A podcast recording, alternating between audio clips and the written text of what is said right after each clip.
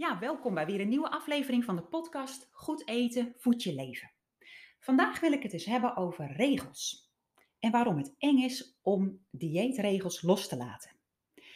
Ja, volg de regels. Dat hebben we allemaal al heel vaak gehoord in ons leven. Als je ergens aan meedoet, bij betrokken bent of in een nieuwe omgeving komt, noem maar op, dan is het belangrijk om je aan de regels te houden. De regels die gelden, de regels die de dienst uitmaken. Zo doen we het hier, zo doen we het altijd, zo hoort het. Ja, en misschien ken je dat liedje ook wel. Ik zal het even voor je zingen. Hou je aan de regels, anders maak je brokken. Hou je aan de regels en kijk goed uit je doppen. Hou je aan de regels, anders gaat het fout. Hou je aan de regels, dat geldt voor jong en oud. Hou je aan de regels. Dat is belangrijk om te voorkomen dat het fout gaat. En vandaag ga ik je vragen om de regels los te laten. Dat komt misschien een beetje als een verrassing en het is misschien ook wel even slikken. En het behoeft ook wel een stukje uitleg. Het is niet zo dat ik je oproep om de wet te overtreden of zo, om voor eigen rechten te spelen, of om jezelf of anderen in gevaar te brengen of schade toe te brengen. Ja, begrijp me goed, een beetje buiten de lijntjes kleuren, ik hou ervan. Ik doe graag de dingen op mijn manier. En ik hou ervan als mensen authentiek zijn. Zich niet laten meevoeren door de grijze massa, maar hun eigen pad durven te kiezen. Een klein beetje recalcitrant zijn, dat is vaak wat, juist wat iemand uniek maakt. Maar natuurlijk zijn regels en procedures er niet voor niks. Het zou een mooie boel worden als iedereen overal de regels maar aan zijn laars zou lappen. In deze aflevering heb ik het over regels die we hebben op het gebied van eten en diëten. De dieetindustrie hangt van regels en voorschriften aan elkaar. Als je wilt afvallen, heb je een dieet nodig. Moet je minder eten? Moet je anders eten? Mag je een heleboel dingen niet?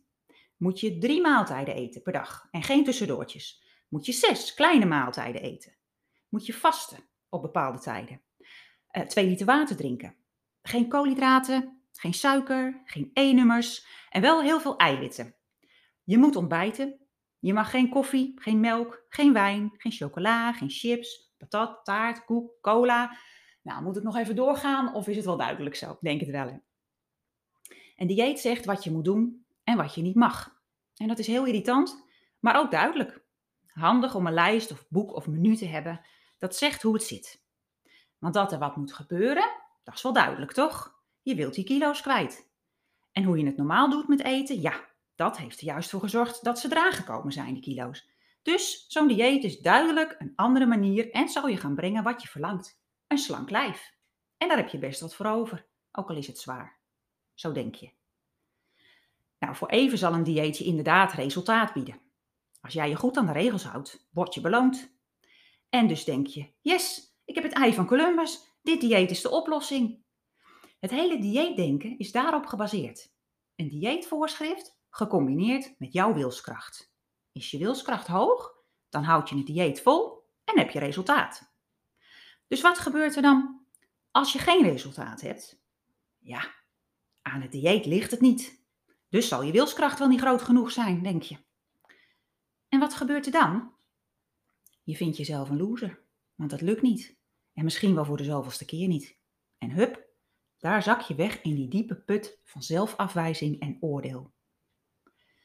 Maar hoe zou het komen dat het misgaat met die wilskracht? Heb je daar wel eens over nagedacht?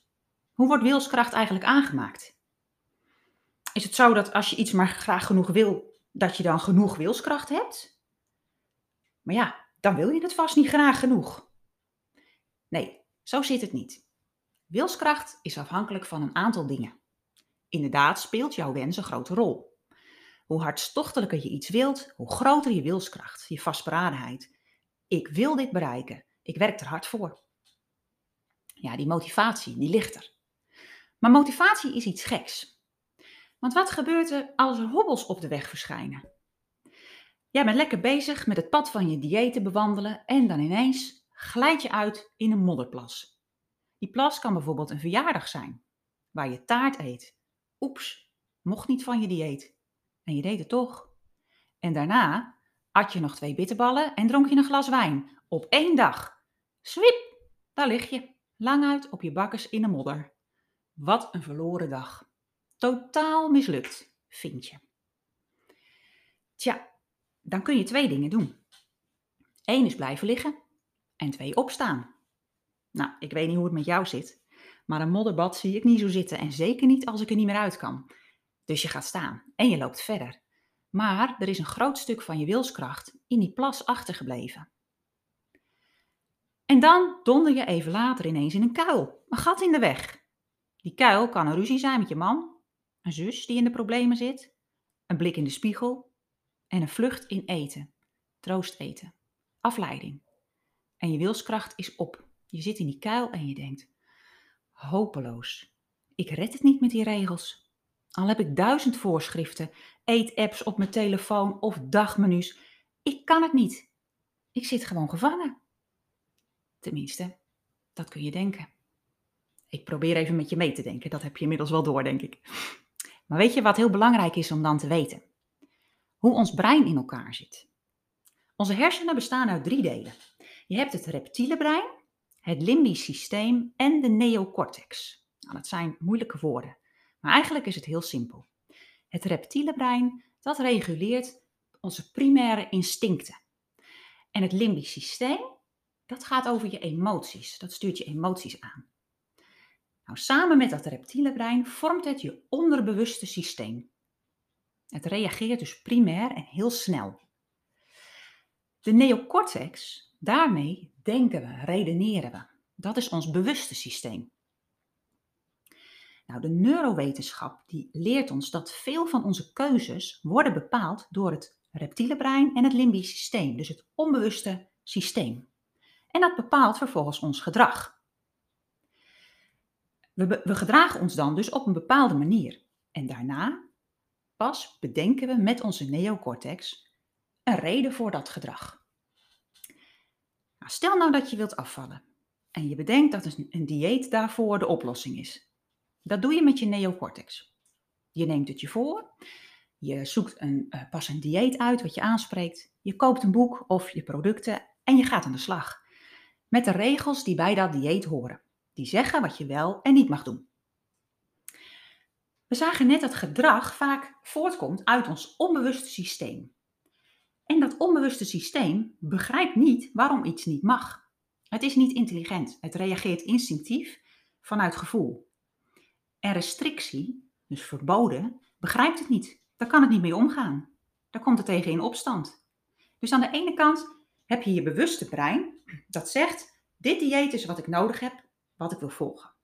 En aan de andere kant je onbewuste brein dat gewoon wil eten. Dat het woordje niet niet opslaat. En dan heb je strijd in eten. En als je dan denkt dat het aan je wilskracht ligt, heb je er nog een probleem bij. Even terug naar die regels. Want je bewuste brein is wel blij met die regels. Dat deel wil helderheid, wil structuur, afspraken en daar heeft het veel houvast aan. Dus wanneer het die regels heeft, geeft dat een gevoel van controle. En controle hebben is heel prettig. Dan heb je het gevoel dat je iets in de hand hebt, dat je veilig bent. Afgezien van dieetregels bestaan er ook eetregels. Dat zijn regels die je zelf hebt bij eten en eetgedrag. Soms al vanuit je opvoeding aangeleerd. Je bord leeg eten bijvoorbeeld, dat is een heel mooi voorbeeld. Ehm, of eten uh, op bepaalde tijdstippen. Honger of niet. Of eten omdat het bij een bepaald moment hoort. Het zijn allemaal regeltjes die duidelijkheid geven en structuur. Ze houden gewoontes in stand die soms niet goed voor je zijn en overeten in de hand werken. Maar omdat ze zo vertrouwd zijn, kan het heel moeilijk voor je zijn uh, om ze los te laten. Ik kwam uh, van de week de quote tegen: wanneer je iets vasthoudt en los moet laten, heb je een gevoel van controleverlies. Maar er was nooit sprake van controle, alleen van bezorgdheid. Anxiety stond er, van angst. Ja, dat klopt helemaal, denk ik. Mijn vraag aan jou vandaag is: wat wil jij? Wat wil jij nou echt? Wanneer zou jij echte vrijheid en rust ervaren in je eten? Wat past bij jou? Probeer dat eens te voelen. En dan dus niet alleen rationeel over na te denken, maar ook echt te voelen. Jouw onderbuikgevoel weet het namelijk heel goed. En het is de kunst om, daarnaar, om daarnaar te gaan luisteren.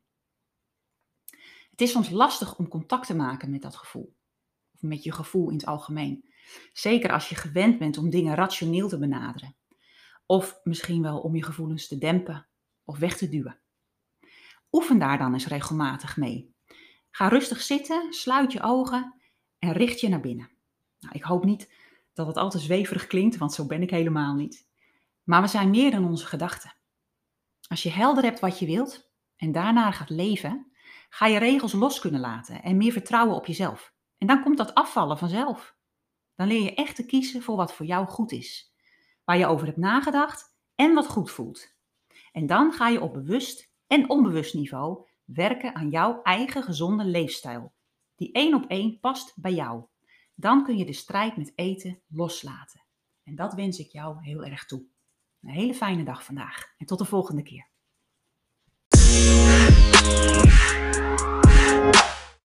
Nieuw bij Goed Eten, het Voed je Leven Inspiratie-event.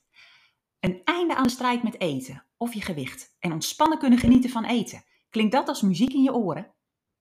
Ik heb deze weg zelf bewandeld en begeleid nu al jaren met liefde en succes anderen hierin in mijn praktijk.